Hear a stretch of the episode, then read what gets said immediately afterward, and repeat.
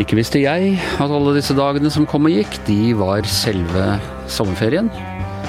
Men eh, noen må holde hjula i gang, Tone Sofie. Ja, og sommeren er kort. Det meste regner bort, er det ikke det det heter? Det, det gjør det også. Det vet jo strengt tatt ikke vi så veldig mye om, for sommerferien har ikke begynt når vi sitter her. Nei, det er bra vi får litt tid til sommerferie. da. Ja. Eh, dette er spilt inn på forhånd, og jeg hater å måtte si det, men, men vi, vi eh, må gjøre det i tilfelle det skjer store ting i norsk politikk som det virker litt rart at vi ikke kommenterer. Men det er altså en uh, serie vi har i sommer hvor vi snakker med noen av menneskene bak politikerne. Og kan man si at disse menneskene er litt mellomleddet mellom uh, politikerne og journalistene, Tone Sofie? Ja, de er jo egentlig det. Det er jo ofte de som ringer for å selge inn eh, gode saker. eh, ofte bare for å gjøre konkrete avtaler, men så hender det seg også at man kjefter litt og forteller oss at her har vi virkelig ikke skjønt bæret. Nei. Og etter hvert så har vi begynt å altså Før kalte man dem rådgivere, veskebærere, sært barn har mange navn. Men eh, etter, særlig etter den TV-serien Borgen fra Danmark, eh, så har man begynt å kalle dem for spindoktorer. Ja, og det er jo et, eh, det er jo et mye kulere navn, eh, men eh, jeg opplever at det er ganske få av de som har den type funksjon som liksom bærer det navnet med heder og verdighet og skryter av det. Ja, jeg er for en spinndoktor, og det er, liksom, det er litt sånn amerikansk opprinnelig, og det er en som liksom klarer å lure seg omtrent inn i hjernen på journalisten og få dem til å se tingene på, på deres måte, og det er ikke så mange som får til her i Norge. Jeg opplever ikke at det er så veldig mange som prøver intenst eh, på det heller. Jeg må innrømme at jeg, jeg tror jeg ringer mer til spinndoktoren enn de eh, ringer for å spinne meg, i hvert fall. Og når du ringer, hva er det liksom du ringer for da? Nei, ofte hvis jeg skriver en kritisk kommentar om et parti eller noe, så vil jeg gjerne høre deres versjon, men eh, ofte så slår jeg bare på tråden for å høre uh, vurdering av saka, om det er noe som rører seg, og ja, tror jeg at det kan være lurt. Ja, De er rett og slett en slags substitutter for politikerne som ikke har tid til å sitte og prate med journalister hele dagen? Ja altså, Det er veldig forskjell. Noen har veldig lave skuldre, noen uh, får du på en måte ikke så veldig mye ut av. Men uh, de, ser, de sitter jo litt på sidelinja, ikke sant. Og kan jo hi Ofte så syns jeg faktisk at det er mer interessant å høre spinndoktorer snakke om andre partier. For de kan ofte ha ganske gode analyser og gode vurderinger, og da, der har de på en måte ikke noe aksjer i det. Så det, det er i hvert fall litt sånn ting jeg innimellom gjør. For å avsløre et knep. Et lite mm, inside-knep fra Tone Sofie Agling der, før vi da altså skal møte dagens spinndoktor.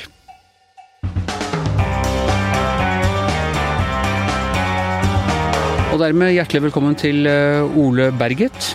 Takk for det. Eh, en tidligere eh, Ja, hva sier du? Bruker du ordet spinndoktor når du forteller om ditt gamle liv? Nei, væskebærer, alt mulig mann, vaktmester, eh, Sier du at du var væskebærer? Du kan velge og vrake.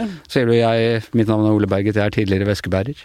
Nei, Jeg jeg heter Ole Berge, jeg jobba med Siv. Ja, ja, for det var det du gjorde. Du var eh, Men eh, hva slags, hva slags forhold har du til begrepet spinndoktor? Nei, jeg har vel et, et forhold til det som at det har kommet inn i det norske språket gjennom eh, utenlandske TV-serier. Eh, men som på en måte er vanlig å bruke i andre land, som har vært uvanlig å bruke her. Her sier vi jo rådgiver eller eh, ja, væskebærer eller assistent til en partileder. Ja. Spinndoktor er jo egentlig det samme, så, men det høres litt mer sånn mystisk ut da når du sier spinndoktor. Men syns du veskebærer er, eh, har en bedre klang, egentlig? Eller? Ja, kanskje mer presis av og til. Nei da. Det, eh, men det er i hvert fall langt unna å være noen doktor. Jeg tror ikke det er mange som har blitt friske av, av mine kompetanser, for å si det sånn. Nei. Nei, ok. Så, men da sier vi tidligere, tidligere veskebærer, og nå er du altså øh, PR-rådgiver, eller kaller du det også noe annet? Ja, nei, der, eh, der tror jeg du treffer ganske bra med å si PR-rådgiver. Ja. I, uh, i First House. Nå jobber jeg i First House. Ja, ja. Uh, har du i arbeidet med å være veskebærer uh, noen gang eh, løyet for en journalist? Nei, ikke, ikke det som er en eh, ren løgn, men eh, du unnlater å si alt. Eh, av og til. Ja. Det er åpenbart det gjør du. Du får jo mye informasjon som, eh, som eh, er sensitiv, som, som, ikke tilhører offentligheten, både av personlig art, men også saker, særlig når man er i et departement. Eh, og hvis du blir spurt om det, så kan du ikke, kan du ikke fortelle alt, for du har ikke lov til det. Og du var altså, du jobbet for Siv Jensen først på Stortinget? Stemmer. Og så var du med henne inn i regjering og uh, Ja, i, i Finansdepartementet. Ja. Og der er det mye sensitiv informasjon som både kan påvirke børser hvis at du er litt for løsmunnet ute på byen når du snakker med sånne som deg, eller, eh, eller andre forhold som, eh, som, du, som, er unntatt offentlighet, som du ikke kan snakke om. Så man har ikke, jeg har aldri løyet, som jeg kan huske, overfor journalister for å for å lyve og sette partiet eller Siv i et bedre lys, men jeg har unnlatt å fortelle den hele og fulle storyen bak ting, for det må man av og til gjøre. Ja, nei, altså så strenge at vi sier at du unnlater å fortelle hele sannheten er en løgn, så strenge er vi ikke, Tone Sofie. Nja, snakk for deg sjøl. Det er vel De sier at uh, du trenger ikke å si alt, men alt du sier må være sant. Er det ikke det de gjentar til kjedsommelighet, da? Ja, og det, det, er mye, det, det, er mye, riktig med det, men, men samtidig så jobben til en veskebærer, spinndoktor, kommunikasjonsrådgiver rundt en partileder, er jo å få partilederen din og partiet til å se best mulig ut. Eh, hvis ikke så hadde det jo vært eh, meningsløst å være der. Men Hender det at du føler deg litt sånn komiske Ali? For jeg snakker jo med en del sånne mm, rådgivere, spinndoktorer eller hva man skal kalle dem. og og noen ganger så tenker jeg Tror du på det sjøl, liksom? Når de liksom prøver å fremstille en sak for meg veldig positiv, når um, jeg syns det er veldig vanskelig å, å, se det i det. Så jeg, liksom, jeg, jeg syns i hvert fall de, de, beste rådgiverne er de som klarer å nyansere bildet, og um, også erkjenner det som ikke er bra, da. Jo, men på, på bakgrunnsprater sånn med journalister når jeg var uh, rundt Siv også, så jeg jo, kunne jeg jo si at dette er selvfølgelig en dritsak for oss. Eh, den saken her kjenner vi ikke en velger på, her har vi drept oss ut. Dette var dårlig politisk eh, vurdering eller håndverk av regjeringa eller partiet eller noe sånt noe. Eh, man må jo være ærlig med journalister, fordi hvis jeg snakker med dere og eh, framstår som komisk Ali og sier at eh, alt er rosenrødt i Frp til enhver tid, og aldri noen personkonflikter, og at folk melder seg ut og blir ekskludert, nei, det er bare en liten bagatell, så tror dere ikke på det. Så man må jo være ærlig på å si at ja, nå brenner det på dass i Frp. Det er en tidligere leder i Oslo Frp som er helt ute å kjøre, og han ble pælma ut fordi han var ubrukelig. Og så Hadde jeg vært rundt si når denne episoden skjedde, så hadde jeg sagt det sånn til dere. På bakgrunn. Det var ikke helt sånn det hørtes ut når jeg hørte om den saken sist. Nei, men da var ikke meg du snakka med heller, da. det var det ikke. men er du involvert, altså i og med at du var såpass tett på henne såpass lenge, hender det at du snakker med henne i den type situasjoner fremdeles? At du gjør litt sånn pro bono-veskebæring? Jeg har god kontakt med Siv fortsatt. Vi snakker mye sammen. Jeg syns hun er en eh, fantastisk person som nå da er på vei ut av politikken. Og hvis hun ønsker å prate med meg om noe, så har hun muligheten til å gjøre det, og har alltid hatt muligheten til å gjøre det. Og det, det, det hadde jeg ikke gjort for hvem som helst, men det gjør jeg fordi jeg har eh, enorm respekt for den dama. Jeg syns hun er et fantastisk eh, menneske. Politikken kan man jo være enig eller uenig i, det skjønner jeg, men men hun, hun, er, eh, hun, er, skarp, hun er varm, hun har humor. Så jeg, jeg liker på en måte å, å omgå seg som person. Og hvis at hun uh, har hatt behov for å snakke med meg etter at jeg slutta i politikken, så har jeg selvfølgelig vært tilgjengelig for det. Hadde hun behov for det i denne aktuelle saken med, da, uh, med, med kandidaten fra Oslo som uh... Jeg snakka med Siv også i den perioden der, men jeg tror ikke hun hadde noe behov for å få råd av meg på håndteringa av denne tidligere Frp-fylkeslederen. Der tror jeg hun hadde ganske tydelig plan for hva hun skulle gjøre hele veien sjøl, altså. Du skamroser jo veldig Siv Jensens egenskaper, og jeg må innrømme at var det sånn, I mine øyne, da, eh, det her er jo lenge før jeg begynte i media, men så, så syns jeg før at hun virka ganske sånn skarp og bjeffete og eh, kanskje litt harry. og mm, en, sånn, en, person som jeg liksom ikke nødvendigvis tenkte var så fryktelig koselig. Mm. Men etter hvert som jeg liksom har kommet inn i politikken og snakka med mange som kjenner henne godt, så er hun en av de som virkelig får gode skussmål av folk rundt seg, uavhengig av parti. Har, liksom, har dere jobba noe med hvordan hun framstår eh, offentlig? Nei, men, men, det her er på en måte litt sånn eh, fascinerende å ha vært vitne til, egentlig. For dem, for dem av oss som kjenner Siv også litt sånn personlig. eh, det har vært en enorm forskjell på hvordan hun på en måte har framstått og blitt framstilt i media egentlig hele veien, eh, siden jeg begynte i 2005, eh, og den personen hun har vært på privaten.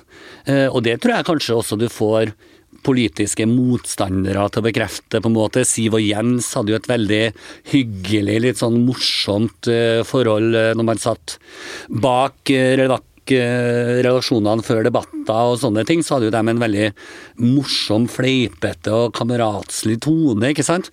Og det er jo litt sånn som er artig å se, fordi Siv framstilles, eller ble i hvert fall framstilt veldig sånn tøff, hard, øh, skarp. Øh, og så er hun ekstremt varm, opptatt av medarbeiderne rundt seg, mennesker hun møter. Øh, og, og det, det, er på en måte litt sånn øh, framsida og baksida av månen, på en måte. Det, men jeg hadde jo ikke giddet å øh, forholdt meg til en sjef lenge etter jeg har gått av, hvis jeg ikke likte den personen. Uh, og man sier jo sånn i amerikansk politikk, hvilke politikere ville ha tatt en øl med, liksom. Uh, jeg vil gjerne ta en øl med Siv så ofte som mulig, for det er både morsomt og interessant, ikke sant. Og det, det, det er ikke partihatten som snakker her, for jeg kunne uh, på bakgrunnen etterpå kan jeg nok nevne mange i Frp jeg ikke gidder å ta en øl med, på en måte. Ja, bare nevn. Det er bare vi har evig tid her på podkasten. Nei da, men altså, poenget er jo at Eh, noen går du overens med, noen liker du, noen liker du ikke, sånn på det menneskelige plan. Jeg liker jo fryktelig mange folk i andre partier som jeg tar en øl med, og det er mange i Frp jeg tar en øl med, og så er det mange jeg ikke tar en øl med. Ofte har jeg inntrykk av at folk eh, nesten liker folk i andre partier litt bedre. Ja, også, i hvert fall sånn, hvis du ser litt på sånn partikulturelle bak bakgrunner, på en måte, så vil jeg jo påstå det, og dette er veldig sånn båsinndeling, men jevnt over så er det jo flere folk i Arbeiderpartiet og SV som Frp-ere liker å drikke øl med, enn i Høyre, som står nærmere politisk. Og Det handler om det kulturelle. ikke sant? Høyrefolk blir ansett for å være mer opptatt av hvite duker og opera og finkultur. Så sitter liksom Frp, Arbeiderpartiet og SV og rølper litt over en øl på en brun kneipe. ikke sant? Og Senterpartiet også, for den del, men eh, de er de liker seg ikke så godt i byene, senterpartistene gjør de det, Tone. Så det er ikke så lett å se dem alltid. Nei, men det er en eh, brun pub i Oslo hvor eh, jeg alltid møter Frp-ere, senterpartister, nordtrøndere og nordlendinger. Ja, Eilifs. Ja. ja. og en del folk fra Akersgata, må vi si, fordi det, det ligger ja, rett rundt hjørnet her. Nei, men, men du, jeg må bare spørre deg, når, når, du snakker om akkurat eh, Siv og Jens og, og det gode forholdet, vi har, har forberedt et lite klipp her. Dette har jeg ventet lenge på å si. Jeg har gleda meg lenge til å si det jeg skal si nå.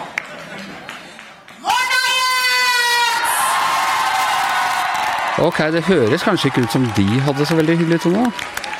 Nei, eh, det klippet der er jo noe av det Siv eh, på en måte angrer seg for og er litt lei seg for, og har sagt det i offentlig intervju etterpå også, men det, det mener hun på en måte. Hun har sagt det her i denne podkasten faktisk òg, at hun, er, ja, ja, hun fordi, følte at hun skulle vært rausere osv. Ja, og, og, det, og det mener hun. Det er ikke noe hun sier for å på en måte renvaske sitt eget ettermæle eller noe sånt noe. Uh, hun var glad i Jens. Likte Jens som en veldig skarp, god motdebattant, uh, og ikke minst at man hadde det så fryktelig hyggelig når man satt på bakrommet før debatter etter debatter. Så, så, det der var Siv lei seg for. Og så blir det jo det blir jo veldig sterkt når det kommer gjennom TV-ruta. og sitter x antall ganger etterpå. Men når vi var i det rommet, så var jo publikumsbrølet og støyen var jo så høy. Så hun følte nok sikkert at hun må ta i litt ekstra på volumknappen på stemmen for å overdøve publikum. ikke sant? Og når du da på en måte får det rett i mikrofonen og døyver ned publikumslyden, så høres det jo ja, eh, brutalt ut. Men det var Dette var ikke noe hun improviserte da i det øyeblikket hun gikk på scenen? Dette hadde dere avtalt at hun skulle si og sånn? Eller ja, rope? Ja da, altså det var meninga at hun skulle si 'morna', Jens. Ikke, vi hadde ikke diskutert lyd og fremføring eh, spesielt nøye. Men, Dere hadde ikke øvd? Men, nei, men også, altså, vi må huske at i en valgkamp, jeg tror det var 2009-valgkampen, eh, og i landsmøtet for Frp da, så var det delt ut sånne plakater hvor det sto 'Morna Jens', ikke sant. Så det var, jo, det var jo et slags slagord fra valgkampen for fire år siden. Og så tenkte man at nå må man liksom eh, ta frem eh, slagordet og liksom si 'Morna Jens' på slutten av denne seierstalen etter valget i 2013. Og det, det høres ikke bra ut, og det så ikke bra ut, men Men de ektefølte følelsene over å endelig ha kommet på en måte i en posisjon til å gå inn i regjering etter 40 års ørkenvandring for partiet eh, det, det, er klart det var mye eufori og følelser og, og adrenalin som gikk gjennom eh, alle som var i den salen der. Og også Siv, åpenbart. Det ble også et visst fokus på kjolen ja. hun hadde på seg, med leppestifter på. Ja da, det var Og det, det er jo litt artig Nei, Den alvorlige delen med det er jo selvfølgelig om kvinner, man, om de blir dømt hardere på hvordan de ser ut, hvordan de har på seg og sånt noe. Men uh, let's face it, den kjolen var jo ikke akkurat noe uh, den, var, den, var, veldig spesiell. Ja. Uh, men ja. Det er ikke bare sin, sin skyld, det. Nei, hvem var, hvem var, det sin skyld? Nei, jeg hadde dessverre Men også det, det jo, Jeg tar det tilbake, for det er jo Siv sin skyld. For når du ber om moteråd fra en uh, nordtrønder fra Vanvikan, så Kan det bli likere? Nei, det, ja, nei. Det, da blir det sånn. Nei, men det som skjedde var Du står nå fram som mannen bak kjolen, rett og slett. Ja, kjolemannen. Kjolemannen, ja. ja, ja. Nei, vi, vi satt på kontoret til generalsekretæren. Det var Siv, jeg og generalsekretær Finn Egil Holm. Eh, klokka var det omtrent halv åtte, altså nervene i høyspenn, ikke sant. Valgdagsmålingene kommer om en halvtime. Uh, Siv hadde vel trent litt og spist litt sushi og sånt, og så kommer han på kontoret med to kjoler, liksom, uh, mens vi da sitter og biter negler og er nervøse. En helt klassisk svart, uh, flott aftenkjole og, og denne leppestiftkjolen. Og så spør jeg ja gutter, hvilken av disse to skal jeg velge? Og vi tar den med farger, ferdig med det, liksom ikke, ikke bry oss med sånne uvesentligheter. Og så ble jo det det store samtaleemnet i to uker etterpå. Men, jeg har hørt faktisk at uh, det er sånn utleieselskap som leier ut klær og kostymer og sånn, har uh, et par eksemplarer av de kjolene. Den er veldig populær på sånne events. Den produsenten av den kjolen bør jo sende takkekort til Siv, fordi jeg tror ikke, tror ikke salget hadde, hadde gått så fryktelig godt uten den reklamen, i hvert fall. Men jeg er nesten litt forundra over at jeg ville tro at liksom Og dette er jo det snart ti år siden, men at i 2013 så har man da egne stylister som krangler i ukevis som var Altså, men her kan hun som leder for Fremskrittspartiet nå gå inn og endelig, som du sier, bringe ut av, av skyggenes dal og, og, jeg vet ikke hva. Da har det vært et, et kappløp blant landets ledende kjoledesignere om å få lov til å kle henne for den anledningen? Nei, det hadde ikke det. Altså, du hadde vært på shopping selv samme dag, tror jeg. Eh, på om det var Strømmen storsenter eller hvor det var hen. Og så har det jo seg også sånn at Siv hater shopping. Eh, hun liker liksom å gå inn og ut av et kjøpesenter på ti minutter og kjøpe inn eh, ny garderobe til neste året, liksom. Så der skal det ikke kastes bort noe tid. Så dette, dette, gjorde hun helt selv. Det var liksom ikke som Prosjekt Erna. Jeg husker det var snakk om at hun hadde masse stylister og alt det der for å bygge en statsminister. Siv eh, brydde seg ikke om det. Her var det mm, andre gjøremål som var langt viktigere enn å shoppe alltid. Er det fokuset på utseendet overdrevet, tror du? Jeg tror i hvert fall at norsk politikk heldigvis ikke er like utseendefokusert som f.eks. amerikansk politikk. Der er det målinger som viser at uh, appearance og looks betyr uhorvelig mye, dessverre. I Norge så tror jeg heldigvis at det er innholdet i politikken og budskapet som, som er viktigst fortsatt. Men at det kan være litt mye oppmerksomhet på det i mediene med terningkast og sånn. og der er det der er en kjønnsforskjell. altså. Kvinner blir utsatt for dette, menn blir det ikke. Ja, det har jo vært et visst fokus på sømmeroggerskjorta til Jonas Gahr Støre f.eks. Jo da, men det blir litt mer sånn jovialt, hyggelig diskutert, ikke sant. Det å så liksom få eh, Jan Thomas å klistre terning på kvinnelige politikere og skrive hvordan uh, antrekket er og sånn. Ikke, ikke, like spennende å diskutere slipsfargen til mannlige politikere, kanskje, hva vet jeg. Eh, Siv brydde seg ikke noe mye om disse kåringene fra eller til, altså, men eh, unge kvinnelige politikere, kanskje. Det var en indianerkjole som fikk litt oppmerksomhet også, men ja, det, var etter. det var etter at jeg slutta. Kan du fortelle, altså hva gjør en det du kaller væskebærer, eh, hva er de viktigste tingene den gjør for å påvirke hvordan en politiker blir eh, oppfattet, eller? Nei, det, det handler jo på en måte om å legge til rette for en sånn helhetlig pakke døgnet av 24 timer. En partileder er travelt opptatt uh, uansett hvilket parti du er, men særlig når du er i posisjon og er statsråd i tillegg så, så, rekker man ikke alt. Og da er det egentlig en prioriteringsoppgave du gjør som væskebærer eller, eller spinndoktor. Du får masse henvendelser fra medier. Eh, også Nyhetsjournalister er én ting, men alt annet også, ikke sant. Ukeblader, portrettintervjuer, stille opp på sånne koselige familieprogram på TV. Eh, masse faglige seminarer, hvem skal man velge å gå på? Eh, og da blir det en sånn seleksjonsoppgave på hvilke saker er det min politiker ønsker å prioritere og bli kjent for. Eh, og det handler jo også selvfølgelig om hvilke saker du tror at dine velgere vil assosiere seg med. Eh, og det er en vanskelig prioriteringsoppgave, og du må hele tida eh, vekte partipolitiske hensyn med rollen som finansministerhensyn. Så det handler om å legge til rette for en helhetlig pakke der det totale bildet av politikeren din blir sånn som man ønsker at det skal være.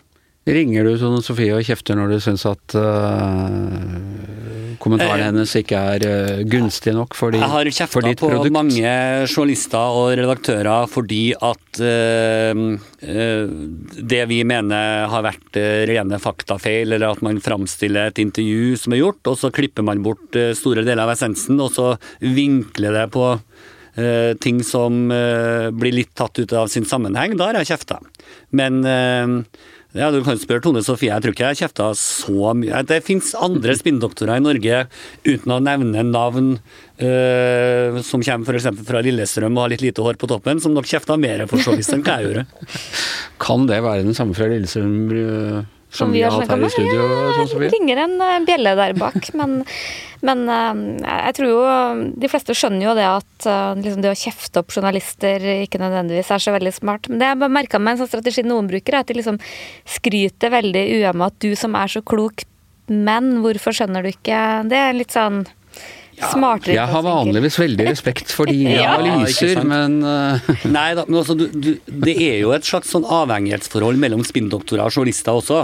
Ehm, og kommentatorer, for da får man bakgrunnssamtaler, får informasjon om hva som egentlig skjer og ikke skjer, og, og man gjør at man har bedre eh, innsikt og kan skrive bedre kommentarer og ordne bedre journalistikk. Eh, men den, den, gjensidigheten gjør også at vi som spinndoktorer av og til sier fra at det, dette var ikke ålreit, her har du utnytta noe eh, som var ment som bakgrunnsinformasjon, eller Eh, du vinkla saken sånn og slik, men du fikk jo disse faktaopplysningene fra utredningsarbeidet til Finansdepartementet og sånt. Hvorfor tar du ikke med det? For det er jo viktig for å opplyse saken. Eh, og jeg opplever at de fleste journalistene eh, er ekstremt uavhengige og skriver det man vil, men at man også av og til har en forståelse for at ja, her var det kanskje at jeg var litt unyansert, og det beklager jeg. Altså, det, det, er jo ikke helt svart-hvitt, dette. Eh, det er jo en dialog og løpende, og, men journalisten i Norge er, er uavhengig og, og, veldig ofte veldig ordentlig og, og hederlig. Så vi, vi, jo Vi er heldige med norske politikere og norsk demokrati. Åpenhet, transparens, men du er også veldig heldig med norsk, norsk journalist at det er mye hederlighet her. og det, Du trenger ikke å gå lenger inn til enkelte naboland og England og USA for å finne medier som, som kanskje ikke er like ordentlige som vi har i Norge, da. Ja, kan vi egentlig bare sette punktum der. ja, ja, verdens beste presse, sier ja. tidligere Veskeberg. For, ja. Men en ting, jeg opplever jo at mange i høyresida, særlig langt ute på høyresida, eh, drar liksom den der at norske journalister er så venstrevridde. Og, og det, det, er sånn tilbakemelding jeg også veldig ofte får fra vanlige lesere. At eh, opp, har, liksom, har, du opplevd det der som et eh, problem? Jeg må nok være ærlig og si at jeg opplevde det som eh, ganske urettferdig eh, i begynnelsen av min politiske karriere. At, at man gikk veldig etter etter Frp, men det kan jo være at Frp har et slags sånn offersyndrom, holdt jeg på å si, eh, hadde. Men nei, altså når man ser i de siste valgkampene, da altså la, la, oss si at jeg har blitt mer moden og har sett det litt uh, fra flere vinklinger. Uh, jeg følte at Frp var en, en ynda hoggestabbe for store deler av pressekorpset uh, tidligere. Det gjør jeg. Men Jonas har jo ikke hatt det lett i valgkampene, han heller. Han blir jo gått etter i sømmene, og det er om sakene er viktige nok eller ikke. Så om man går med skiklær fra et spesielt skimerke, om man uh, hadde bygd ei brygge altså Alle disse sakene, pengene hans, plasseringene hans. Pressen tar alle. Eh, og Frp har hatt opp gjennom historien nok å, å ta i hermetegn for journalister, så det ja, man eh, graver etter gull der man har funnet gull før, og da er det naturlig at Frp ble, ble sett i sømmene eh, ganske kraftig tidlig på, på 2000-tallet og alle de prosessene der. Eh, maktkritisk presse har tatt Frp knallhardt, tar også andre knallhardt. Ferdig, rettferdig. Du, når jeg kan bare ta helt for å avslutte dette med journalistene. Hva, når har du følt deg aller mest urettferdig behandlet av, av journalister? Eh, Nei, det, det, har vært noen sånne enkeltsaker, men det går mer på sånn uh, personlige ting hvis det Ja, jeg kan ta et eksempel, og det var, uh, det var et landsmøte i Frp uh, hvor det var mange som var borte fordi det var konfirmasjonshelg samtidig. Og så var det jo alltid noen politisk diskusjon her, jeg husker ikke hva saken var. Men så var det VG som laga en sak og tok bilde i en pause på landsmøtet av tomme stolerader, og sa at boikotte Skiv. Eh, det er uredelig eh, framstilt. Eh, særlig når ingen var borte fra landsmøtet, bortsett fra én stortingsrepresentant som var Jeg tror det var, mm, tror det var en representant fra nord, og det var en konflikt med Per Sandberg og en bok. Så var én representant borte. De andre var borte fordi ungene deres hadde konfirmasjon.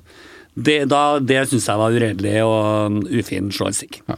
Og ja, da, da kjefter jeg på journalisten. Jeg må bare spørre om én ting, for det har jeg alltid lurt på. For uh, når Per Sandberg dukka opp på landsmøtet i den derre Good Journey-T-skjorta, det var vel midt under den ja. flyktninge...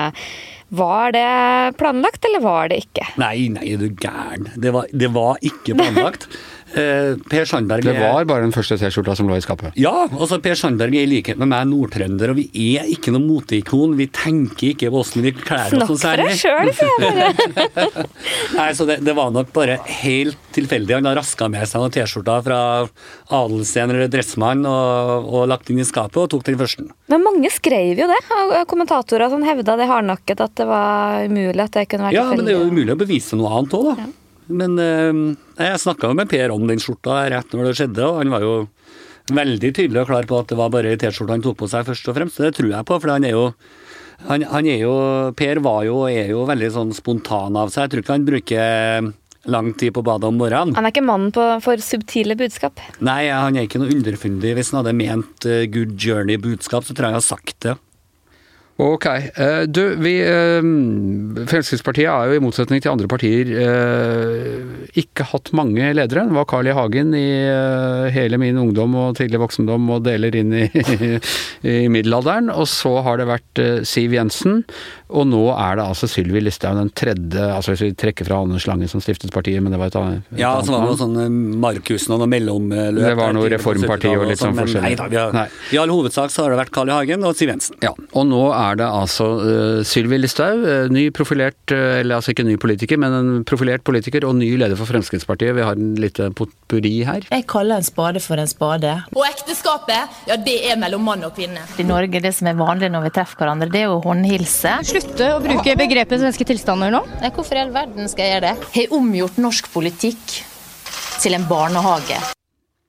Ja, noen uh, smakebiter på, på Sylvi Listhaug, som kjører en ganske annen stil enn uh, en Siv Jensen. Kanskje litt mer tilbake til, til Carl I. Hagens uh, mer provokative kraft. Hva tenker du om Sylvi Listhaug som leder for Fremskrittspartiet?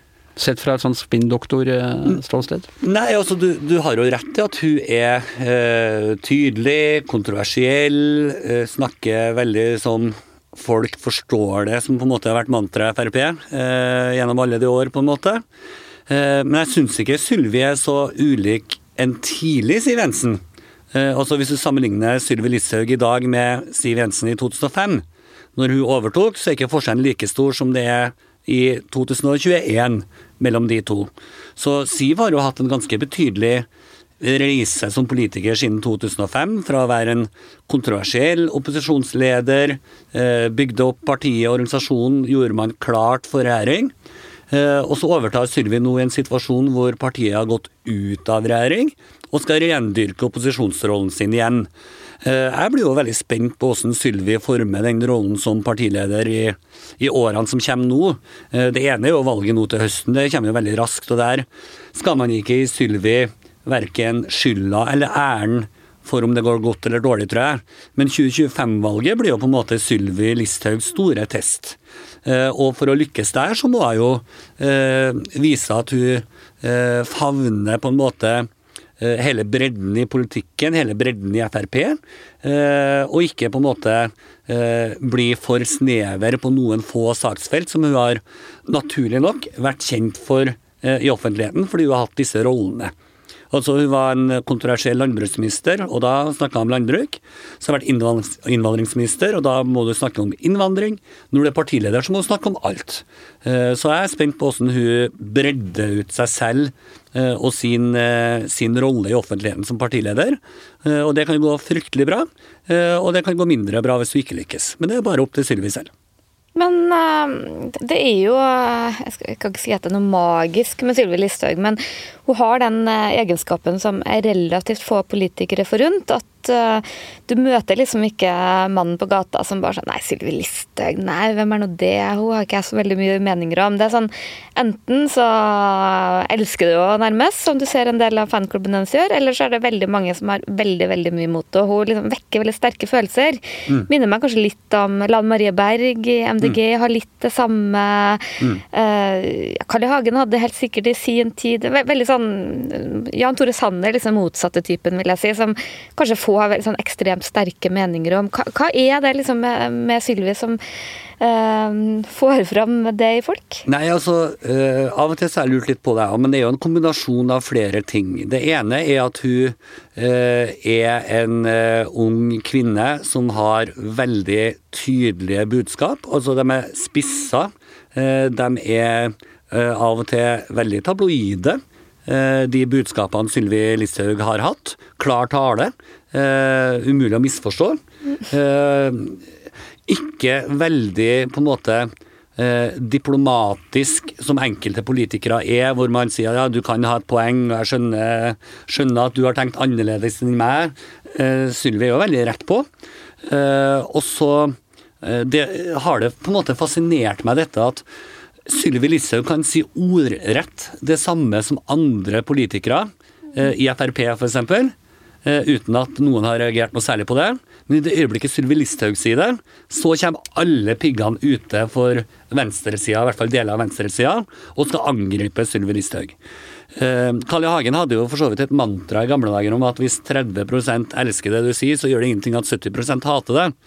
Eh, Og for et parti som nå ligger sånn pluss-minus 10% på målingene, så, så er det kanskje ikke så, så dumt å se for seg at man har en partileder som er veldig tydelig, som 20-30% av befolkninga er enig i. Da vil jo oppslutninga gå opp. Da det er jo analysen til gamle analysen til I. Hagen i hvert fall. Om det stemmer eller ikke, får vi jo se. Men er det kalkulert, eller er det jo bare sånn? Jeg tror Sylvi er ganske kalkulert, ganske, ganske gjennomtenkt det Sylvi Listhaug gjør veldig ofte. Eh, Så, så det er ikke det, det er nok ikke vilkårlig hvilke saker, hvilke eh, budskap, eh, setninger, emner hun tar tak i. Det tror jeg er ganske gjennomtenkt fra Sylvi. Men øh, hun er også den kanskje øh, som har hatt en spinndoktor hvor spinndoktoren nesten er blitt like kjent som øh, politikeren. I hvert fall kanskje Norges mest øh, nemlig Espen Teigen, som vi nevnte her i stad. Ja. Eh, en forholdsvis ung mann som da øh, øh, hjalp henne med hennes sosiale medieprofil, får vi vel si. Og så har han vært en stund øh, i, i Nettavisen, vært en meget effektiv tabloidjournalist der. Og så øh, er han nå til, tilbake øh, som kommunikasjonsansvarlig i Fremskrittspartiet. Men hele dette uh, situasjonen som førte til at hun måtte trekke seg som uh, justisminister, var jo på en måte hans uh, verk med en Ja, det var en Facebook-status Ja. som, som han nok delte på vegne av Sylvi, hvor om de hadde diskutert på forhånd budskap, ordvalg, timing, ikke minst, for dette kom jo også omtrent samtidig som en eh, film om eh, 22. juli Utøya kom, så om de hadde diskutert det, det vet ikke jeg. Men, eh, men Espen Teigen var nok eh, den som trykte på publiser-knappen, i hvert fall. Hva tenker du om det, sånn uh, væskebærer imellom? Var det uh, en smart ting, eller ble væskebæreren litt for, sto i, litt for i veien for politikeren? Altså, når, når en statsråd må gå av pga. en Facebook-status, så er det noe som har gått gærent på veien her. Uh, og så er det viktig for meg å, å si at det er ganske menneskelig å gjøre feil, også for oss væskebærere og, og for politikere. Eh, men det er jo måten man håndterer det på kanskje som eh, også er verdt å diskutere her. Jeg tror kanskje ikke Sylvi hadde måttet gå av hvis hun hadde lagt seg flat med en gang. Sånn den koblinga her tenkte jeg ikke over. Eh, jeg ser at den kan, kan være sårende, så, så, det beklager jeg. Hadde jeg gjort det med en gang, så tror jeg ikke hun hadde måttet gått av som statsråd. Men det ble på en måte hele hele dynamikken i den saken førte til det utfallet som uh, vi fikk til slutt. Det var jo en veldig spesiell seanse i Stortinget uh, når Sylvi Listhaug gikk opp gjentatte ganger på talerstolen mm. og klarte liksom ikke å si unnskyld. Det virka som at det var, mm. var liksom helt umulig å, å, si. Og da var det jo den nevnte Jan Tore Sanner, da, alltid diplomatisk, som liksom gikk opp og beklaga på vegne av regjeringa. Var, var liksom det planlagt, eller var det bare at hun, hun mente at hun ikke hadde gjort noe galt? Nei, jeg tror nok Altså, eh, det vanskeligste for en eh, politiker, eh, i hvert fall som er, som er ung, er jo dette med å beklage. Altså, det er merkelig sånn symbiose, dette, men det, det, er vanskelig å beklage før du på en måte har fått erfaring og på en måte trygghet i at det er lov å si at man tok feil. Eh, men Jan Tore Sanner beklaga jo på vegne av regjeringa, men han også har jo senere blitt beskyldt for å dra 22. juli-kortet. Og, mm. og det, det, viser jo at alle kan gjøre feil, men det er hvordan man håndterer det som egentlig er avgjørende i etterkant. Eh, og jeg tror at det var sånn at Sylvi eh, ikke hadde sett koblinga til den filmen, og når hun ble beskyldt for å spille på den filmen, eller åssen den dynamikken var, så, så sa hun nei. Jeg tenkte ikke på den filmen. Dette var bare for å isolere debatten rundt beredskap, terrorpolitikk i Norge. Vi fikk fram dette budskapet. Eh, så hun mente at hun hadde rett, at hun ikke hadde gjort noe gærent. Eh, og det er godt mulig at hun ikke hadde gjort noe gærent i den forstand at hun bevisst hadde eh, ønska å koble dette til 22.07. Det tror jeg ikke hun ville gjøre, for å si det forsiktig. Men når hun da vet innerst inne selv at det var ikke det jeg gjorde, så blir det enda vanskeligere å si unnskyld for at noen oppfatter deg sånn. Eh, norsk komiker jeg kjenner til som stadig måtte, måtte møte sine overordnede. Eh, og så spurte jeg ham en gang eh, hvordan det gikk det. Så han nei, det gikk helt bra, jeg ba om unnskyld, det gjør jeg alltid. Jeg lurer på når de kommer til å oppdage hvor lite det koster meg. Ja. og det har jeg tenkt av og til med noen politikere at det er En god parallell og en god, ja. god sammenligning, det, altså. Du, Eh, ja, eh, hva, hva, tenkte Siv Jensen om, eh, om, hele den situasjonen? Altså Hun og, og, regjeringssjefen hadde vel en del samtaler rundt dette her? Ja, det vil jeg tro. Jeg har ikke diskutert de dagene med Siv som jeg kan huske nå. Men, men sånn som jeg kjenner Siv, så syns jeg jo ikke dette var, var en bra Facebook-status, for å si det sånn. Og skulle garantert helst vært det foruten. Eh, sånn at Sylvi kunne fortsette som statsråd og vært stille og rolig, og, og, og alt var som vanlig, holdt jeg på å si. Eh, men når, når denne saka oppstår, så er det eh, også en leders ansvar å på en måte slå ring rundt, støtte de av dine som har gjort en feil eller kommet i hardt vær. Og der er både Erna og Siv ganske like om at de, de forsvarer sine folk to the bitter end. Og det gjorde jo Erna i denne saken òg lenge. Uh, og Siv gjorde det lenge. Men fikk de på en eller annen måte henne da til å ta konsekvensen av det selv, da? Ja, altså det var, jo, det var jo det som skjedde til slutt. At, eh, at Sylvi valgte å gå av for at presset ble for stort til at hun ville beskytte resten av regjeringa, eller Men hva hennes motiv var.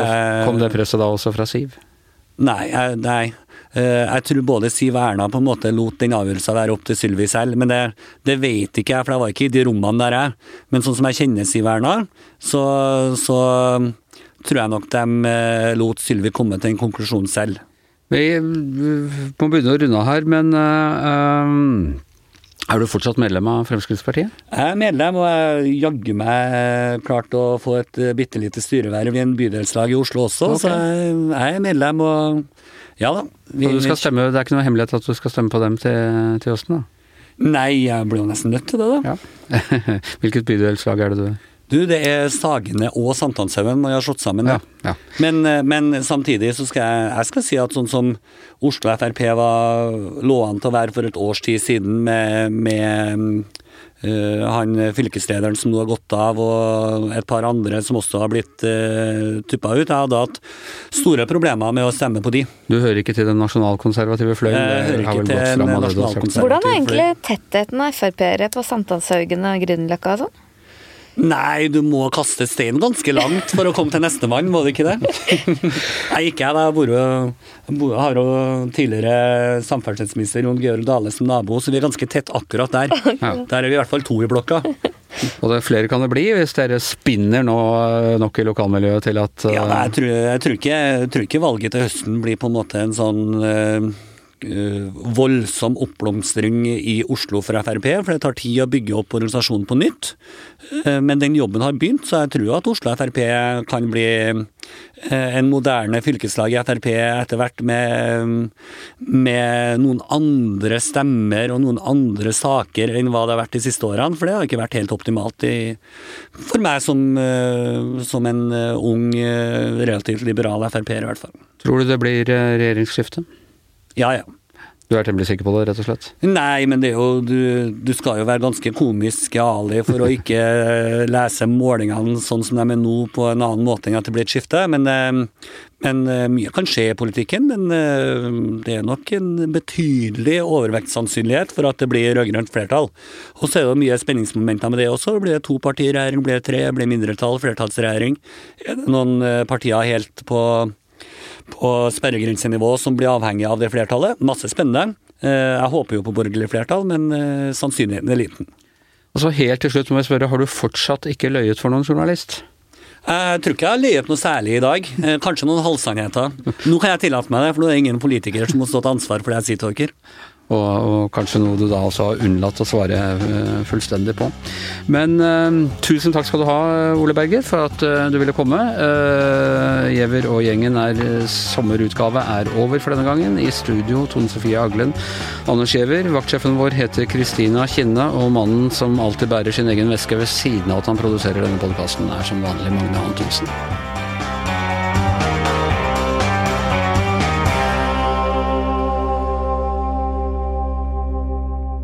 Du har hørt en podkast fra VG.